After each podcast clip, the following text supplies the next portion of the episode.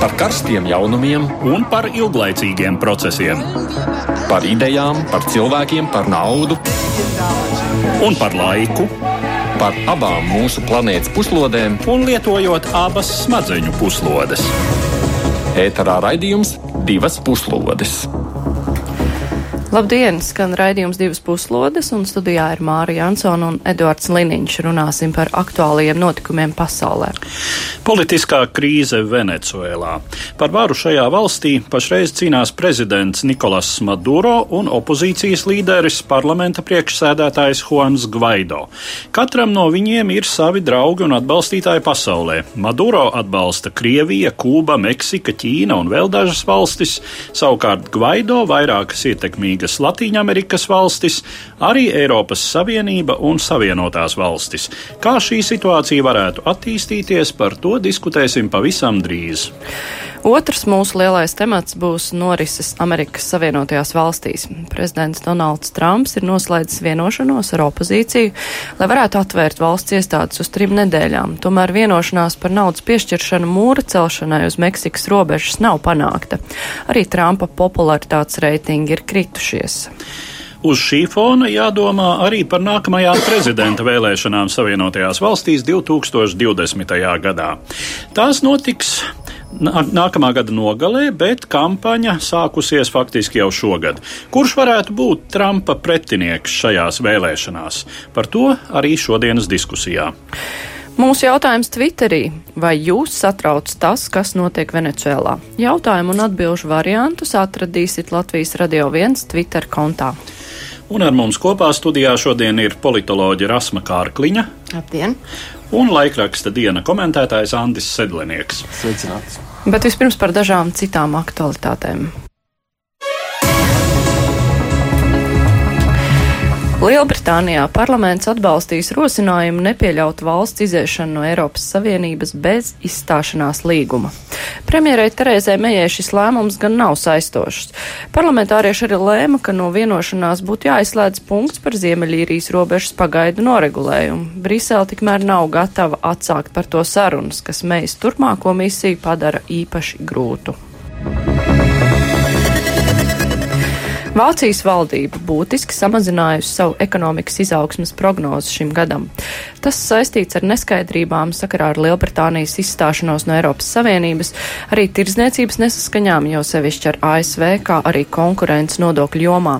Valdība prognozē, ka Vācijas IKP šogad pieaugs par vienu, nevis 1,8%, kā tas tika lēsts pirms dažiem mēnešiem.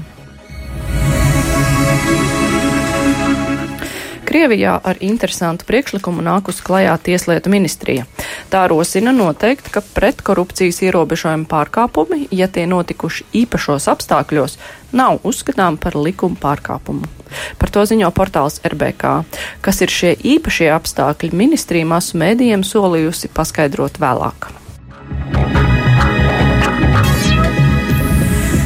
Tikmēr Krievijas parlamenta augšpalātā trešdienas rītā aizturēts deputāts Raufs Rašukovs, kurš pārstāv Karačais Čerkasīs republiku Ziemeļkaukāzā.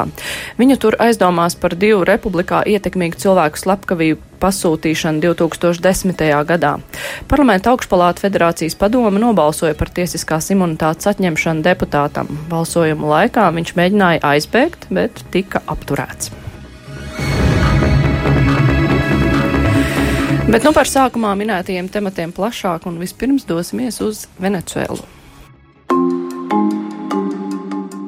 Pašreizējā situācija Venecuēlā ir kārtējais sāsinājums jau vairākus gadus ilgušajai politiskajai krīzē, kas šajā Latvijas-Amerikas valstī noris uz ilgstošas un ļoti smagas sociāla-ekonomiskās krīzes fona. Aizsākums visam meklējums vēl pagājušā gadsimtā, 1999. gadā, kad pie varas Venecuēlā nāca bijušais pulkvedis Ugo Čaves un viņa apvienotā sociālistu partija. Čavesa valdības īstenotā populistiskā politika sākotnēji iejusmēja sabiedrības trūcīgāko daļu, taču jau pēc dažiem gadiem izraisīja kapitāla aizplūšanu no valsts un attiecīgi attīstībai nepieciešamo investīciju apsīkumu. Investīciju trūkuma dēļ kritās arī galvenā Venecuēlas ienākuma avota - naftas iegūs rūpniecības rentabilitāte.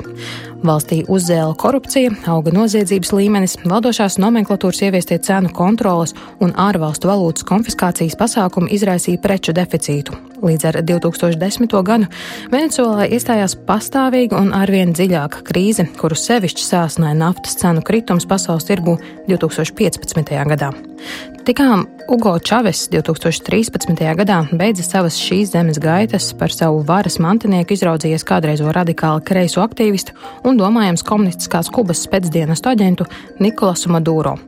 Ārkārtas vēlēšanās pēc Čavesa nāves Maduro uzvarēja ar apmēram 1,5% pārsvaru pār opozīcijas kandidātu Enrique Caprilesu.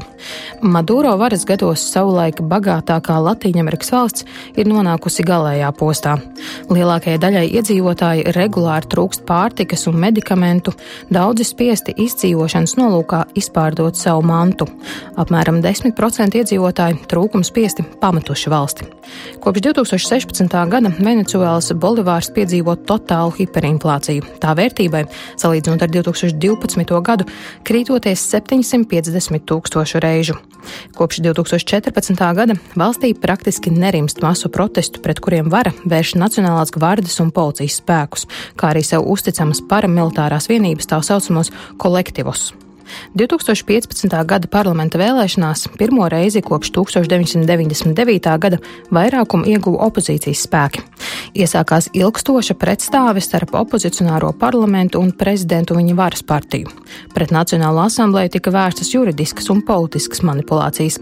Vispirms mēģinot to atlaist ar augstākās tiesas lēmumu, bet 2017. gadā izveidojot jaunu likumdevēju orgānu - Nacionālo konstitucionālo asambleju. Opozīcijai boikotējot vēlēšanas, Konstitucionālajā asamblējā tika ievēlēti praktiski tikai prezidenta partijas pārstāvi.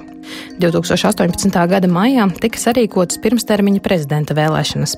Nikols Maduro tika pasludināts par uzvarējušu, kamēr opozīcijas kandidāti un daudzas ārvalstu valdības atteicās atzīt vēlēšanu rezultātus. Šī gada 10. janvārī, kad beidzās Maduro iepriekšējais prezidentūras termiņš, Nacionālās asamblejas priekšsādātājs Juans Gvaido pasludināja sevi par prezidenta pienākumu izpildītāju. Viņa pilnvaras jau atzinuši ASV, Kanāda, vairums Latīņu Amerikas valstu. Tikmēr Krievija, Ķīna, Irāna, Meksika, Kuba un vēl vairākas valsts uzstāja, ka Nikolas Maduro esot leģitīmi ievēlēts Venecuēlas valsts galva.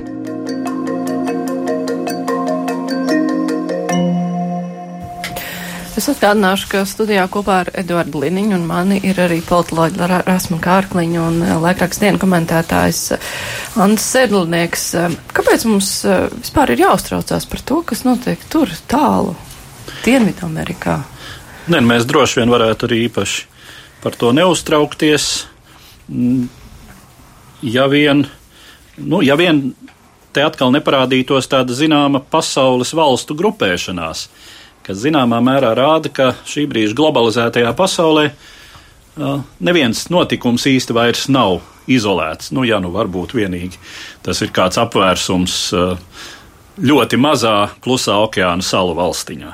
Bet šajā gadījumā mēs redzam Kubas klātbūtni, caur Kubu lielā mērā Krievijas klātbūtni.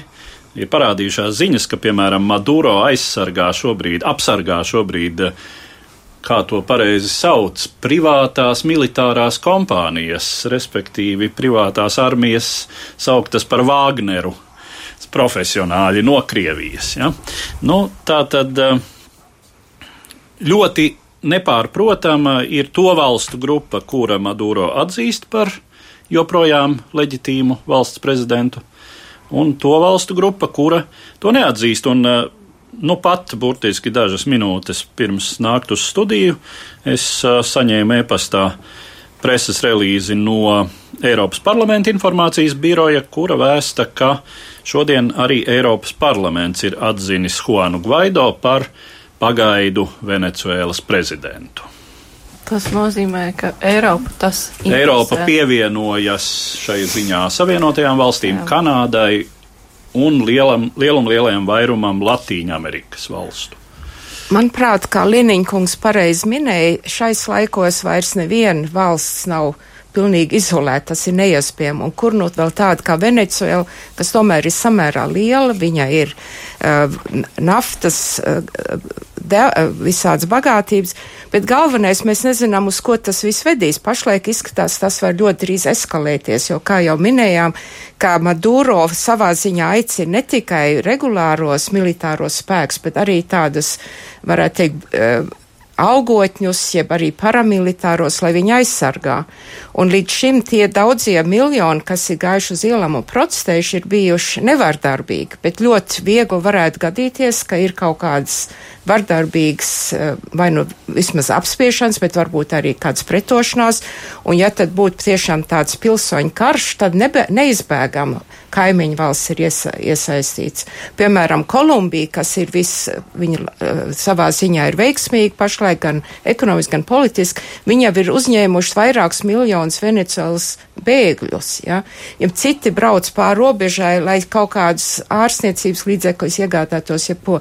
Tā kā ir skaidrs, ka reģions noteikti būs iesaistīts, jau neredz pašlaik kaut kādu citu veidu risinājumu, ka Maduro acīm redzot neatkāpsies un tie opozicionāri viņi gan mēģina, mēģina nevardarbīgi eh, kaut kādīgi iegūt varu un varbūt arī tās ārzem sankcijas eh, vai nes pietiekoši spiedīs Maduro un viņa algotņas, kā jāsaka, lai piekāptos, bet, nu, to nevar zināt. Tā kā tā krīze ļoti iespējams eskalēsies, un tad tādā ziņā, es domāju, tie ārzemes spēki, kas pašlaik no demokrātiskām valstīm mēģina tur iejaukties, cenšas kaut kādīt veicināt to varbūt straujo un demokrātisko risinājumu, jo citādi grūti saprast, kas tur notiks.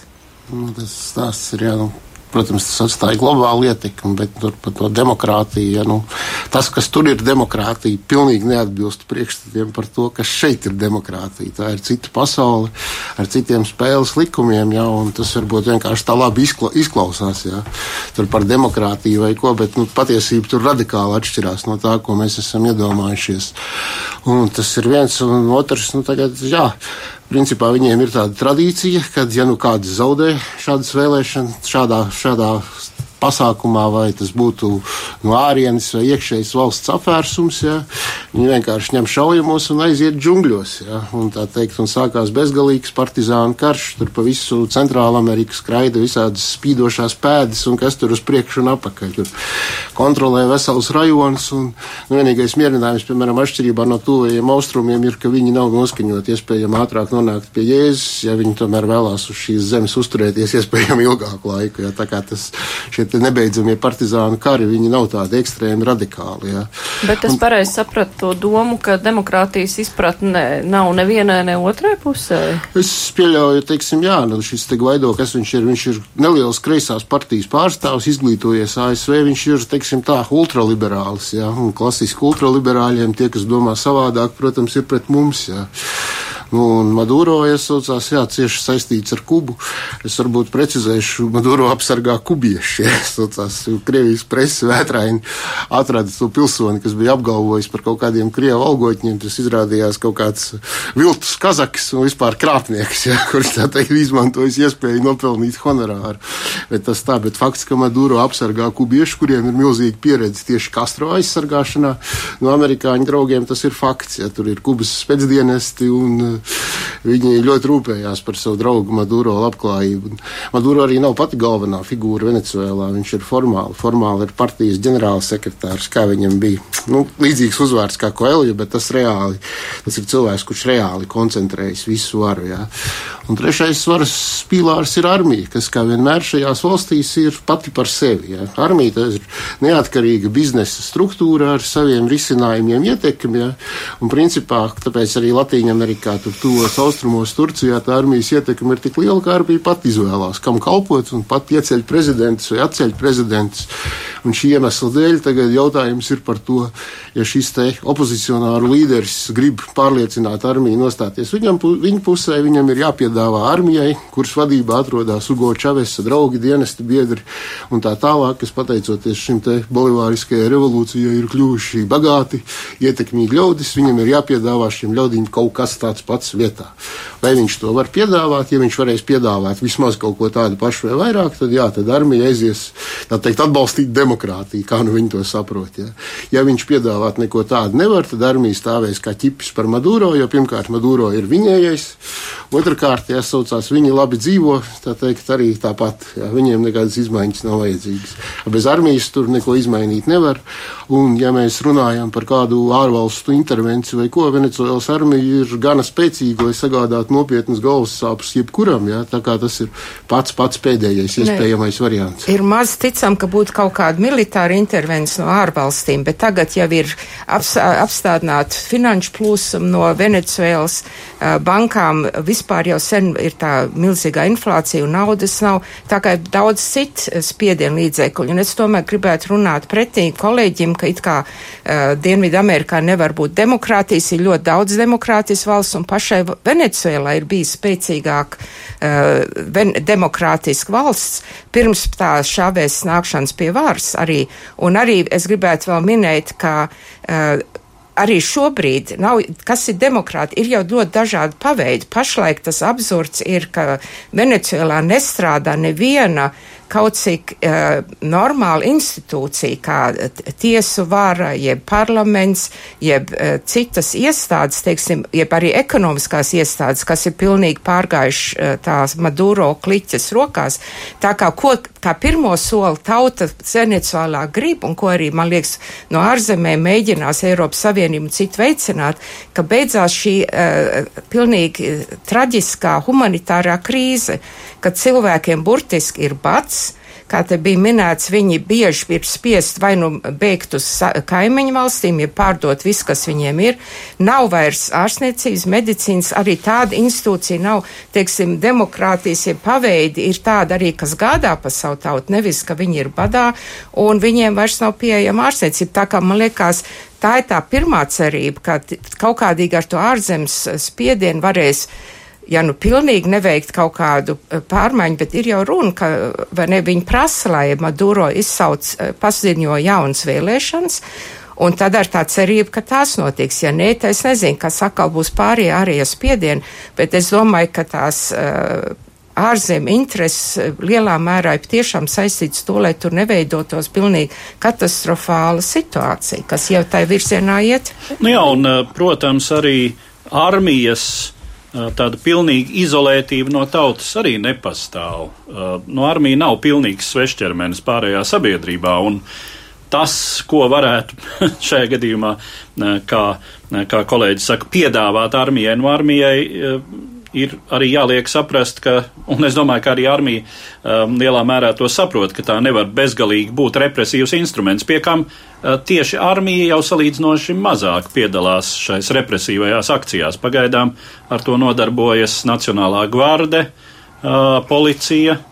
Uh, un, un šīs pieminētās kolektīvos, ja, kas ir tās šīs partijas uh, partijas bruņota milicija, tā varētu teikt. Vai... Kolektīvs ir divi miljoni. Jā, jā, nu, protams, tātad šis režīms ir ļoti daudz darījis, lai izveidotu sev normāli pabarotu atbalstītāju pulku spēkus, bet, nu, es domāju, ka, teiksim, šīs pilsoņu kara iespējas, kas kā mēs konstatējām, ir pietiekami nozīmīgas. Tās var, var tomēr tos svaru kausus mazliet pasvārstīt par sliktu Maduro, un vēl jau vairāk te ir jāsaprot, ka Venecuēlas ekonomika ir ļoti vienpusīgi veidota, tā tiešām balstās uz ieņēmumiem no naftas ieguves, tātad no naftas eksporta, Savienotās valstis ir lielākais noņēmējs loģiski uh, uz uh, citām, uz tām valstīm, nu, kuras, kuras ir, teiksim, salīdzinoši Maduro re, režīma atbalstītājs, jā, nu, uz Ķīnu iet diezgan ievērojama daļa, bet, nu, ja šo tā sacīt krānu aizgriež vai, vai piegriež Maduro režīmam, tad arī iespējas barot savus piekritējus ir stipri ierobežotas. Amerikas sankcijas, piedošana, Amerikas sankcijas tieši kā pirmais bija apstādināt to naftas importu no Venecuēlas. Jā, bet mums ir iespēja noklausīties ierakstu stāstu par to, kā situācija Venecijā izskatās no iekšpuses. Redot, nu, daļēji no iekšpuses. Nu, daļēji no iekšpuses, bet cilvēks, kurš tur ir dzīvojis un atgriezies Latvijā. Tā ir Redvards. Pārcēlies uz dzīvi Latvijā. Jā, pārcēlies, ja viņi jā, tur ir dzīvojis. Viņa vienmēr. tur ir dzimusi. Un... Jā, tā ir Sandra Trautmane. Klausieties Eduardu sarunu ar viņu. Mēs atbraucām pagājušo gadu aprīlī un, nu, bija tāda situācija, ka vairs nevarēja dot ko ēst manai ģimenei, jo tur nevar dabūt pārtika, nevar dabūt zāles. Viss ir tāda mm, haotiska krīze, nu, ekonomiska, sociālā, politiska, ka, ka tur ir nu, liela diktatūra un ka tur vairs nevar dabūt nekā ko ēst. Tur, nu, jādomā, nu, mūkt prom no turienes. Uh, sakiet, uh, Jūsuprāt, kurā brīdī Venecuēlā sākās tās nelaimes? Kurš bija tas moments, kad nu, tā situācija pavērsās uz slikto pusi? Nu, grūti pateikt, jo ir, bija ļoti bagāta valsts, un tad varbūt tā krīzes jau mm, sākās, bet nu, nevarēja redzēt labi, jo nu, vēl naudas bija un, un cilvēki varēja ēst. Un, Bet viss sākās, nu, kad varbūt Čāvis vidū, tādā valdībā, un pēc tam, kad nu, bija tas, tas Maduro, tad, tad vēl sliktāk pa, nu, pasliktinās viss tā situācija. Un kas ir tā tautas daļa, sabiedrības daļa Venecijā, kas atbalsta Maduro, ja tāda vēl joprojām ir? Nu, tagad nav viņa. Nu, varbūt 5%, kur nu, varbūt strādāja kopā ar valdību, tad nu, jāatbalsta viņu. Jo tur ir liela korupcija, bet viss pārējā tauta, nu, 90% nu, neatbalsta. Un tāpēc ir tāda situācija tagad, ka visi iet demonstrācijas, lai mm, pateikt, nu, vai prasīt, lai, lai viņš nu, iet prom no Venecuēlas, jo viņam jau tas periods ir beidzies e, 5 ne, 10. janvārī beidzās. Un viņš grib turpināt bez nekādas vēlēšanas un pateikt, ka viņš vēl ir joprojām prezidents. Un tas nav legāli, jo vēlēšanas nebija. Sakiet, vai jūs sazināties joprojām ar kādiem draugiem paziņām Venecuēlā? Jā, jā, nu, kad viņam ir internets, jo, nu, visas dienas nav internets tur Venecuēlā, bet kad ir, tad caur WhatsApp mēs rakstāmies ar kolēģiem, ar, ar draugiem. Nu, tie, kas ir vēl palikuši tur, jo daudz jau ir no ārzemēs, jo visiem bija jāmūk prom. Ko viņi saka par to situāciju? Nu, tur, tur pavisam ir tagad traki. Tur ir tā kā nu, inflācija mēnesī ir 150%. Minimālā alga ir 6 dolāri un cenas produktiem ir tāpat kā Latvijā nu, ar 6 dolāru tu nevar nopirkt nekā, tikai, nu, varbūt, lai varētu ēst vienu dienu tikai. Nu, tur ir šausmīgi, un nevar dabūt zāles, nevar dabūt pārtika. Nu, tur visi mirst badā, tur ir trakums tagad. Domājot par to tālāko iespējamo attīstību, ko jūsu draugi un kolēģi saka, uz ko viņi cer, kas varētu notikt turpmāk? Nu, viņi cer, ka šitais nu, parlaments prezidents Vaido varēs kādā veidā, legālā formā, nu, nu, kā kārtot jaunas vēlēšanas. Un, bet kamēr tas Maduro vēl tur ir, nu, tu, ir grūti to kārtot, jo viņš neļauj to darīt. Tad neviens nezina, kas tur notiksies. Neviens visi nu, tikai lūdz Dievam, lai kaut kas iet uz labo pusi, jo neviens nezina, kā to var atrisināt visu. Nu jā, tā situācija, kas tika aprakstīta, nu, tas ir jau zemāk par zemu. Nu, sliktāk jau vairs nevar būt. Bet, jā, tas, tie, tas vai... tiek atzīmēts, ka situācija Venecuēlā ir sliktāka nekā tā ir bijusi pārējais periodā no sociālisma uz tirgus ekonomiku 90. gadu sākumā, jebkurā bijušajā padomju sistēmas daļā.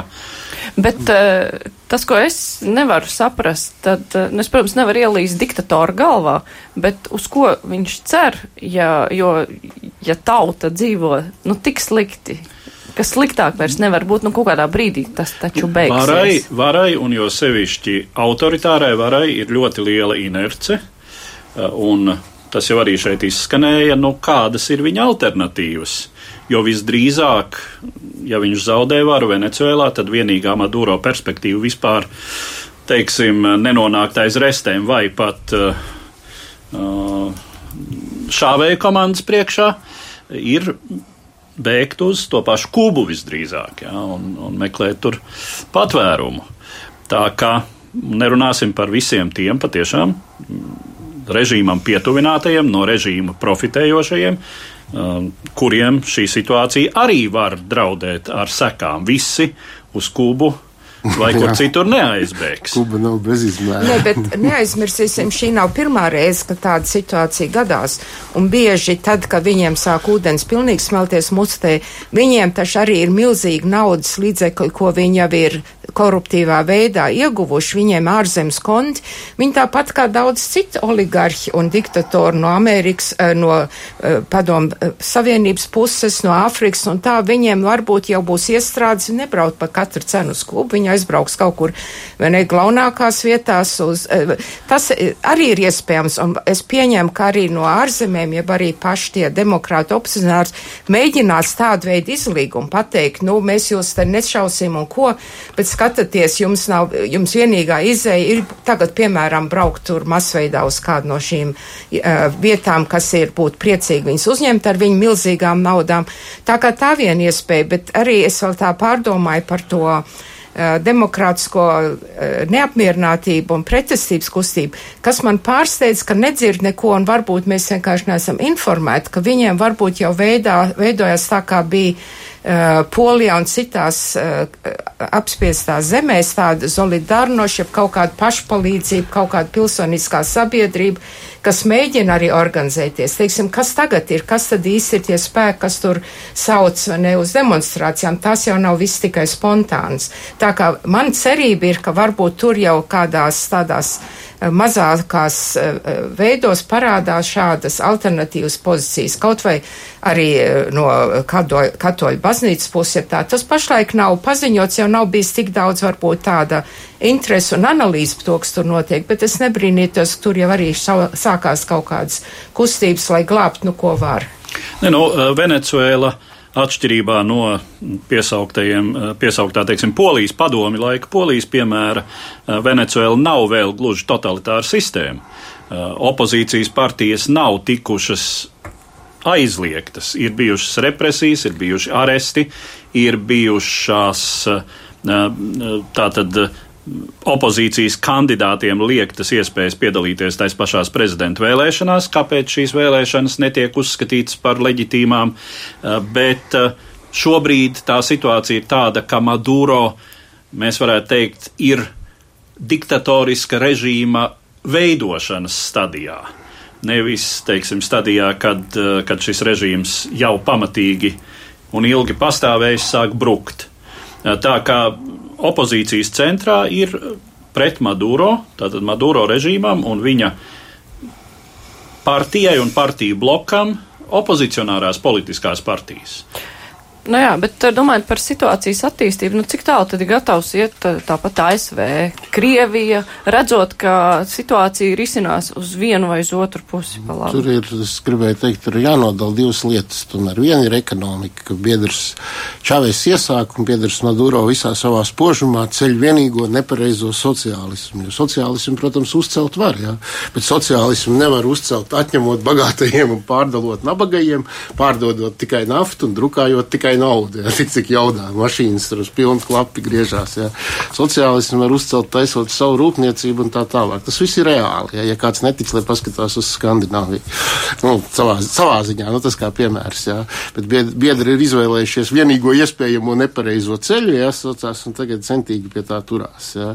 Un otra lieta ir tā politika, kur tie aspekti viņi tomēr ir ļoti strīdīgi, jā, jo, teiksim, šis te pilsonis Gvaido, viņš ir ievēlēts, bet viņš atcelts tikai jau tāpēc, ka viņš bija ievēlēts vai opozīcijā, bet tāpēc, ka parlaments sāka lemt par lietām, kuras viņam neparedzēja pamatlikums. Tas viņi gribēja sākt mainīt konstitūciju, kas viņiem tādas tiesības nav. Jā.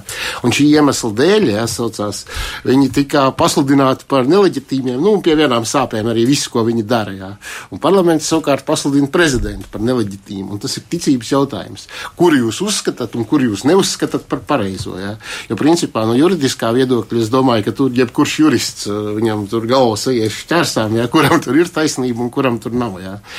Tā kā tas, kā teikt, nav tik viennozīmīgi, bet, nu, rietumos, protams, labprātāk patīk uzskatīt, teiksim, izteikt proamerikānisku Amerikā mācījušos Gvaido, jāsaucās, kurš piedāvā vēl ir, tā teikt, liberāls un vispār pareizs un jauks un patīkams cilvēks, jo tie pārējie opozīcijas līderi līdzšinējie, nu, viņi tur neko daudz labāki par tiem sociālistiem nav. Viņi tāpatās ir tur sašmucējušies visādās korupcijās. Un, nu, jā, bet, bet, bet ko praktiski jā, nozīmē jā, šis starptautiskais atbalsts? Teiksim, teiksim, piemērs tam, ka ar starptautisku atbalstu nevienmēr var gāzt kādus nevēlamus režīmus, ir Sīrija uzskatāms piemērs. Ja? Viņš tur Asad dzīvo zeļu un plaukst, un no Asad mazbērni tur acīm redzam valdīs. Ja? Tā teikt, tas ir viens. Ja? Otra lieta ir, tā teikt, Venecuēla ir pārāk tālu, lai tur Krievija vai Mm, būtu ieinteresēti tieši reāli teikt, ievest kaut kādus savus spēkus vai tur izsludināt kādu misiju. Viņi arī viņi gan tur ir ieguldījuši šķiet, kopumā kaut kādus 11 miljardus dolāru. Ja? Bet nu, tas nav tā kā, ja arī, protams, zināmā mērā atbalsts, bet tur pamatā ir tīri ekonomisks intereses. Ja? Un, un ja viņiem tā teikt apsola, ka viņi tur neko pārāk daudz nezaudēs vai viss paliks pa vecam, es nedomāju, ka viņi tur stāvēs un kritīs par Maduro. Ja? Ne, bet... Saucās otra lieta Ķīna, ja saucās Ķīna ir ieguldījusi tur iespaidīgas summas, vismaz 70 miljardus, jā, bet uh, Ķīna nav nu, Ķīna tā teikt, ir nav, tā valsts, kas viņa nevar projicēt, viņai nav tradīcija, un viņai arī ir problēmas ar militārā spēka projicēšanu uz kaut kur kādā pasaules punktā. Jā. Krievijai no šāda viedokļa it kā nekādu dižo problēmu nav, jā, saucās, bet tas ir tālu, tas ir dārgi, viņiem nav īsti Tas intereses. ir politiski bīstami, nu, jā, jo tas, tas ir ļoti tuvu savienotajām jā, valstīm. Tomēr, teikt, nu, tomēr un, nu, tas ir, tā teikt, tas būtībā tas nozīmē, ja viņi tur ieies, tas nozīmē, ka viņi pamatīgi eskalē jau tāpat esošo konfliktu ar ASV Ja?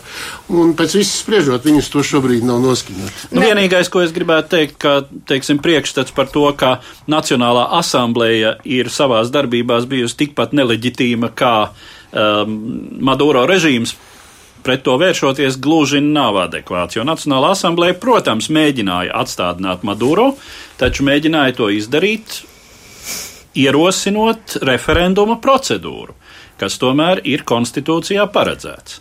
Ne, kolēģi, man liekas, ka liekas skaidrs, ka tur būtībā ir tagad viena tāda haosa situācija un revolucionāra situācija, kur tad jāskatās, uz kuru uh, gan vairums pilsoņi, gan arī ārzemes atbalstītāji kaut kādam risinājumiem, piemēram, tagad kas būs tās sankcijas, ko Eiropas Savienība, ko arī Amerika un cits sāk ieviest. Tur ir finansiālās sankcijas, tur ir visādas citādas. Ar tām tas spiediens un arī ar to vietējās tautas spiedienu var panākt, ka ir kaut kādas lielākas maiņas tuvākā nākotnē, un ja nē, tad mēs tiešām varam uh, baidīties no kaut kāda pilsoņu kara varianta, jo tā situācija ir tā samilzus, ka nevar vienkārši teikt, nu tā tas tagad turpināsies vēl un kā, ne, tas neiet. Vienādi Jā, bada, vai otrādi. Uh, bada dumpiem tomēr uh, ir tikai viens risinājums. Galu galā tā tauta ir Nu, respektīvi, ir divi risinājumi. Vai nu tauta ir jāapšauj, vai arī jāpabaro. Vai arī jāparāda, kurš pie tā ir vainīgs. Un šajā gadījumā nu, tas jau ir rādīts ilgi. Nosakot sankcijas, iesaucās. Uh, tas nebūtu nenozīmē, ka viņi tā teikt metīsies gāzt Maduro. Viņi tikpat labi var mesties demolēt arī ASV vēstniecību. Nu, un izdemolēs vēstniecību un, un tālāk. nu, tālāk, tālāk mums ir vēl viena Irāna laimīga, tikai sociālistiska. nu, baidos, ka īsti, īsti tas, tas arī nav tas labākais Jā, piemērs, ar ko salīdzināt. Um, jo, um, nu, kā es teicu, tā tad, uh, ja mēs atceramies to pašu padomi totalitārismu, tad tomēr tautas noskaņojums un šī sociālā situācija, uh, nu, kaut bija pastāvīgi diezgan slikta un uh, atpalika pilnīgi noteikti no rietumvalstīm, jo tuvāk eh, pagājušā gadsimta beigām, jo vairāk, eh, tad tā tomēr tika monitorēta. Un, un padomju sistēmā nu, bija pat, pat tādi politologu pētījumi, nu, ko teiksim, padomju nomenklatūra atļaujas darīt ar savu tautu, un ko tā ar savu tautu darīt tomēr neatļaujas. Nu, kaut kādai maizei veikalā ir jābūt. Nu, ne jau Staļina laikā, viņš pat neļauj humanitārai palīdzībai nākt uh, uz padomu savienību. Nē, da, ir dažādas situācijas. Man liekas, ka tomēr mums šobrīd varbūt pārāk maz tur ir uh, analītiskās izpratnes, jo ir tāds, tāds krustcelis, ja šis viss krīze ir eskalējusies pēdējo dažu nedēļu laikā. Un kā tas viss tad veidosies tālāk, man liekas, šobrīd ir grūti zīlēt, un, un varbūt mēs tur tikai varējām ierādīt tos, parādīt tos iespējamos ceļus un aktors, kas tur darbotos. Un es tomēr gribētu uh, vēlreiz uzsvērt, ka arī Latvijā-Amerikā uh, kā saka, tautas varai, demonstrantiem, tiem, ko viņi var uh, organizēt paši savus spēkus, uh, palūgt armijai, lai viņi nešauj uz viņiem un tā tālāk. Tur ir daudz iespējas, ka viņi ar kaut ko risina tādā kaut cik ne, pozitīvā veidā, bez tur lielām asins liešanām, jeb traģēdijām, kas, uh, diemžēl, pašlaik ir ļoti intensīvas. Nu jā, ir bijuši piemēri, nu, piemēram, tai pašā Čīlē, kur bijušajam diktatoram piedāvā zinām tiesisko imunitāti un ļauj mierīgi nodzīvot līdz mūža galam. Jā. Tas, ka viņam ar ārvalstīm pēc tam radās tiesiskas konsekvences, tas ir cits jautājums, bet nu, Čīlē, teiksim, Pinochetam savā laikā bija garantēta pēc atteikšanās no varas tiesiskā imunitāte. Jā, mums ir noslēdzies arī mūsu Twitter balsojums. Izrādās, ka 56% no balsotājiem interesē tas, kas notiek Venecijā, satrauc. Mhm. Protams, 44% revolūcija, karogi, manifestācijas. Bet mums ir tagad jāpārceļās uh, mazliet tālāk uz ziemeļiem, uz ASV.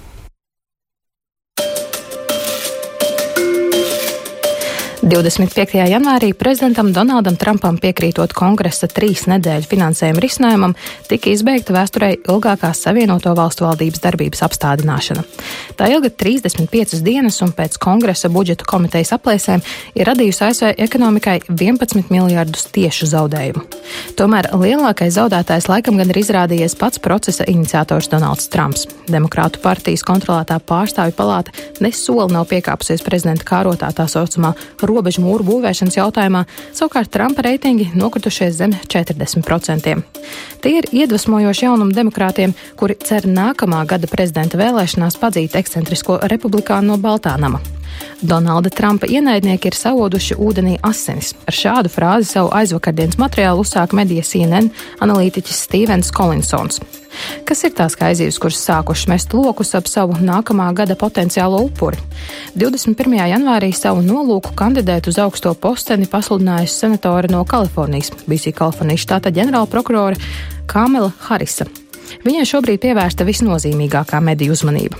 Kā citi vērā ņemami demokrāta pretendenti, tiek minēta arī senatora no Ņujorkas, Kirstena Džilbrenda un bijušais Baraka Obamas administrācijas dzīvokļu celtniecības un pilsētu attīstības ministrs Julians Castro.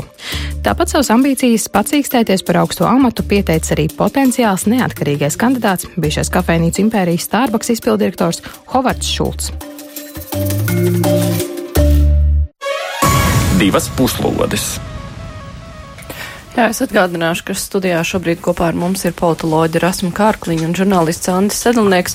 Vēl nerunājot par uh, prezidenta amata kandidātiem, tad uh, attiecības starp Trumpu un kongresu pagaidām ir tā kā vienkārši iepauzēts šis jautājums par mūri, un viss sāksies no gala ar nezināmu rezultātu. Es tā nedomāju. Es domāju, ka arī šīs bija tāds uh, ļoti nozīmīgs notikums, ka Trumps pirmo reizi redzēja, ka viņam kāds var spēlēt pretī un uzvarēt. Ja?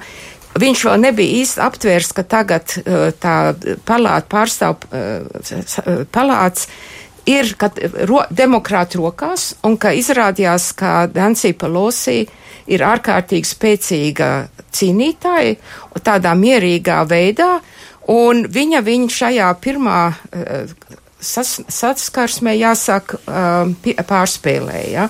Tagad tik tālu viņam jāskatās kā ar to tik galā, atkārtot to pašu, viņš atkal būs zaudētājos. Ja? Tā kā man liekas, ka, kā pašlaik dzird, eh, gan republikāņi, gan demokrāti meklē ceļu, kā atrast tādu in, uh, kompromisu, ka it kā abas puses ir uzvarējošas. Un es domāju, ka tas ļoti iespējams var notiks, jo tas, ka tagad uh, daļa Amerikas administrācijas un valdības bija pilnīga uh, pilnīgi noslēgt eh, vai ilgākā mēnesi. Tā bija katastrofa. Amerika zaudēs jau vismaz 11 uh, miljārdus naudas. Un tas vienkārši ir nepieņemam. Arī cilvēku tā un vēlētāji, ka jāuzsver nostāja ir, ka tas bija pilnīgi neiedzīgi, kāpēc kaut kā Donalda Trumpa iegribas dēļ tagad viņas visas atlaiž no darba uz ilgāku laiku bez algas, ja viņiem liek strādāt bez algas. Es domāju, tas neatkārtosies. Tur tai jautājumā, manuprāt, būs kaut kāds risinājums. Bet un... jūs minējāt, uh, republikāņi un demokrāti meklē, meklēs risinājumu, bet vai Donalds Trumps šai ziņā ir pieskaitāms pie republikāņiem pilntiesīgi, vai arī viņš būs tas, kurš meklēs šo risinājumu? Nu, redzēsim, bet man liekas, ka viņš, viņam nav īsti izēja. Jau ja nāks, kā tagad Eh, gan no republikāņiem, gan demokrātiem kopīgs kaut kāds priekšlikums. Labi, mēs jums dodam zinām naudu tai eh, robežu stiprināšanai, bet ne tieši kā viņš to iedomājas, bet drusku citādi. Un ja tas nav tikai demokrāta priekšlikums, bet arī daļa no republikāņiem, uh, tad viņš ir būtībā spiests to pieņemt. Ja? Tā kā man liekas, ka tas būtu tā lieta, un ka viņš tad pievērsīsies citiem gājieniem, jo viņam vienmēr gribās būt tas, kas virs kaut ko it kā vai ne dramatisku un pozitīvu un glāb pasauli. Tā kā, nu, tad redzēsim, ko viņš tad izdomās, kur vajadzētu atkal, viņš tā kā Ziemeļ Koreja grib draudzēties un ko. Viņam patīk šitās drāmas arī, lai novērst uzmanību no kaut kā tāda reāla un sevišķi, ja viņš tur ir iegrābies.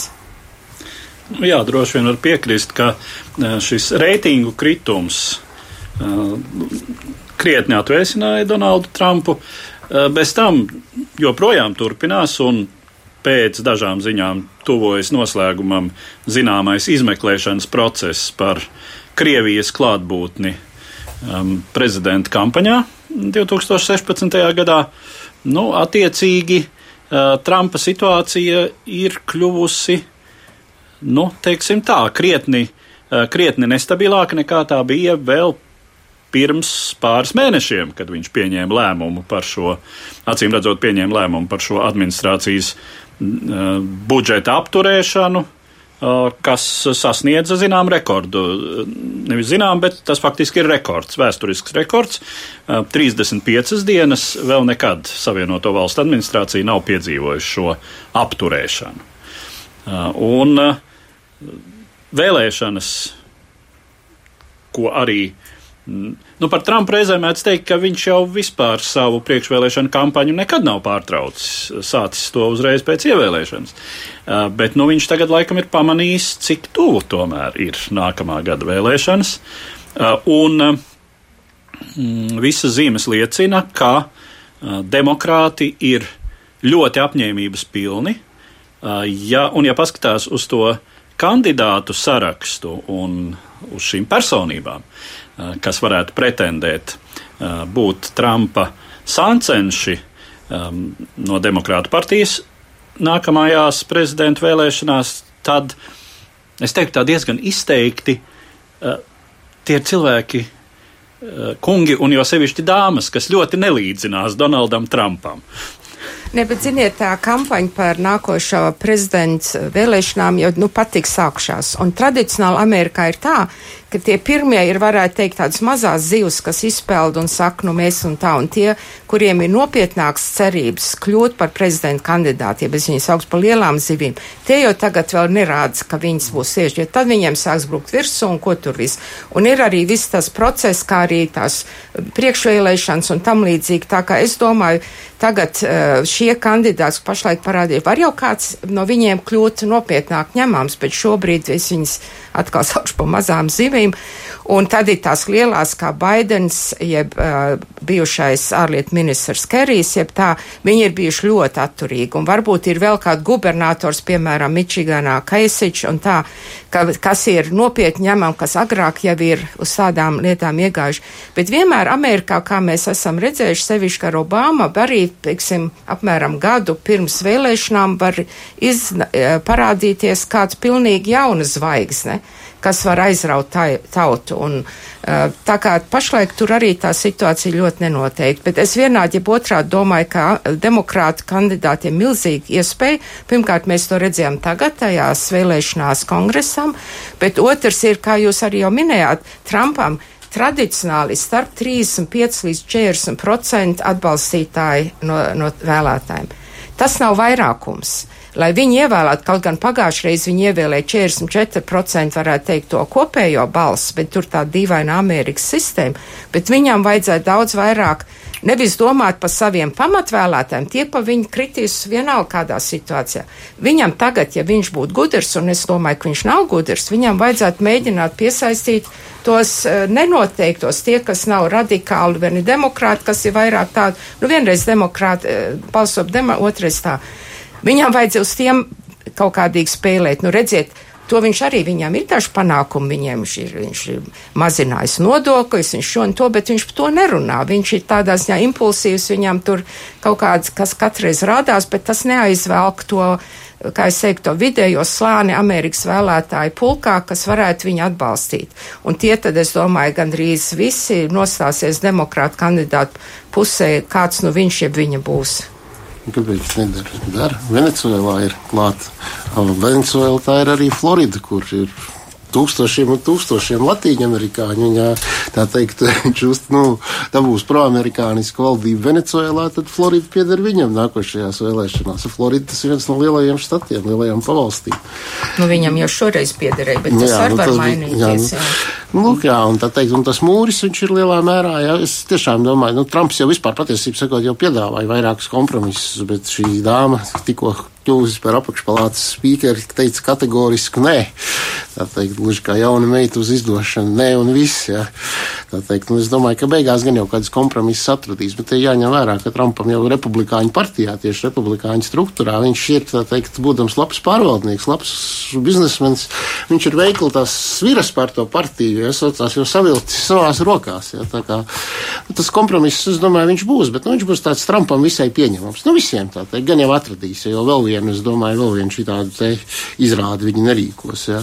Un, jā, un es pilnīgi piekrītu, kas attiecās uz vēlēšanām. Tur vēl, tā teikt, nu, var, protams, notikt brīnums, un kāds no šiem te, kas tagad tiek saukti vai nominēti kā kandidāti, viņi var kaut kur parādīties arī priekšvēlēšanās. Ja. Nu, pavisam liels brīnums, ja kāds izpeldēs, bet pagaidām tur vēl runāt ja, par to, kas tad reāli būs tie smagsvari, kas cīnīsies. Ja, nu, tas, ir, tas ir pārāk, ir pa daudz vēl.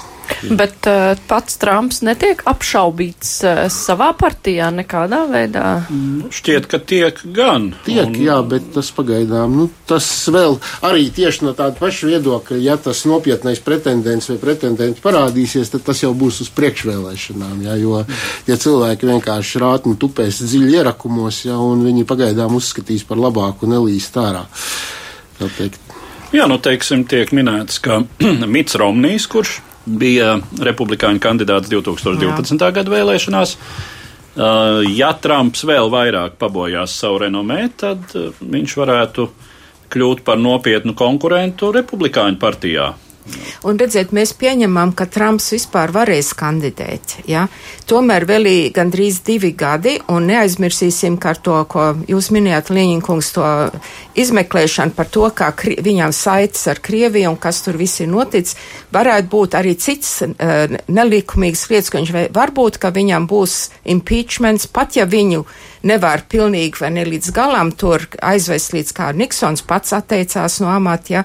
Teiksim, uh, ir iespējams viss kas cits, un arī man jāsaka ar viņu temperamentu viņš jau kā var man skatīties arī, ka es, es man uh, nav īpaši prieks lasīt viņa tvīts, bet viņi ir negramatiski, viņš eksplodē, viņš acīm remot, redzot Baltā namā jau sāk zaudēt savaldību. Tā kā varētu būt visādi scenāriji, ka vai nu vienkārši ne tikai aiz kaut kādas valstis, nu, teiksim, ka viņš pats vairs nevar kandidēt, kaut vai veselības dēļ. Ir jau tāds kurjos, ka viņš pats ir uzrakstījis savus veselības ziņojumus un līdz ārstam tikai parakstīt. Bet kas kas īstenībā viņam ar veselību mēs nezinām. Ja? Tā kā tas arī vēl ir tā, kā es domāju. Zināms, mēs jāpieņem, ka ļoti iespējams, ka viņš būs kandidāts, bet nav nekādas garantijas. Ja? Un tad varētu, eh, un arī paši republikāņi, kā mēs minējām, respektīvi līdz šim viņi bijuši vairāk tā kā jēriņi, vai ne? Jo viņi sevišķi līdz tam apvērsumam pagājušās tais uh, vidustermiņa vēlēšanām. Bet tagad viņi viss sāk kalkulēt, sevišķi senatori, ja? republikāņi. Vai es gribu uh, Trumpa atbalstu nākamās vēlēšanās, ja bez kaut ko citu, vai es no viņa sākšu drusku vai ne novirzīties, ja atbalstīšu kādu pretkandidātu. Tas viss vēl nav zināms, un es domāju, ka Amerikas šitos pirmos divos Trumpa gados ir bijusi tādā kā šokā, ja, ka tāds cilvēks var parādīties tik impulsīvs, tik ne, nesavaldīgs, kas neklausās uz saviem padomniekiem. Nu, pat, piemēram, viņš senātā bija pāruns par Amerikas ārpolitiku, un Trumps pasaka, ka visi viņas drošības dienas, CIPS, FIPS, visi, viņiem neko nezina. Viņi visi ir naivi un apstulbuši, lai viņi iet atpakaļ uz skolu. Viņš visu zina, kā viņš pats sevi teica, viņš ir stabils ģēnijs, viņš visu zina. Teiksim, tāds cilvēks nezinu, kur vēl var aizkulties savos impulsos. Un uh, šie drošības dienestu, visu vadošo drošības dienestu vadītāji, nevis tādā retorikas līmenī, bet ar konkrētu analīzi parāda, ka pirmkārt Meksikas Savienoto Valstu robeža nav drošības apdraudējums, uh, ka Irānas vēlēšanās un gatavība tiešām dabūt savus kodolieročus ir ļoti apšaubāma, un tā tālāk, un tā tālāk, nu tā sacīt pa punktiem, parādot, ka vairums no tā, ko ir darījis prezidents Trumps arī dzenā ārpolitikā, ir stipri apšaubāms. Kā, un, un ir diezgan skaidra viena lieta, ka, ko jau pasaulē analītiķi šobrīd atzīmē.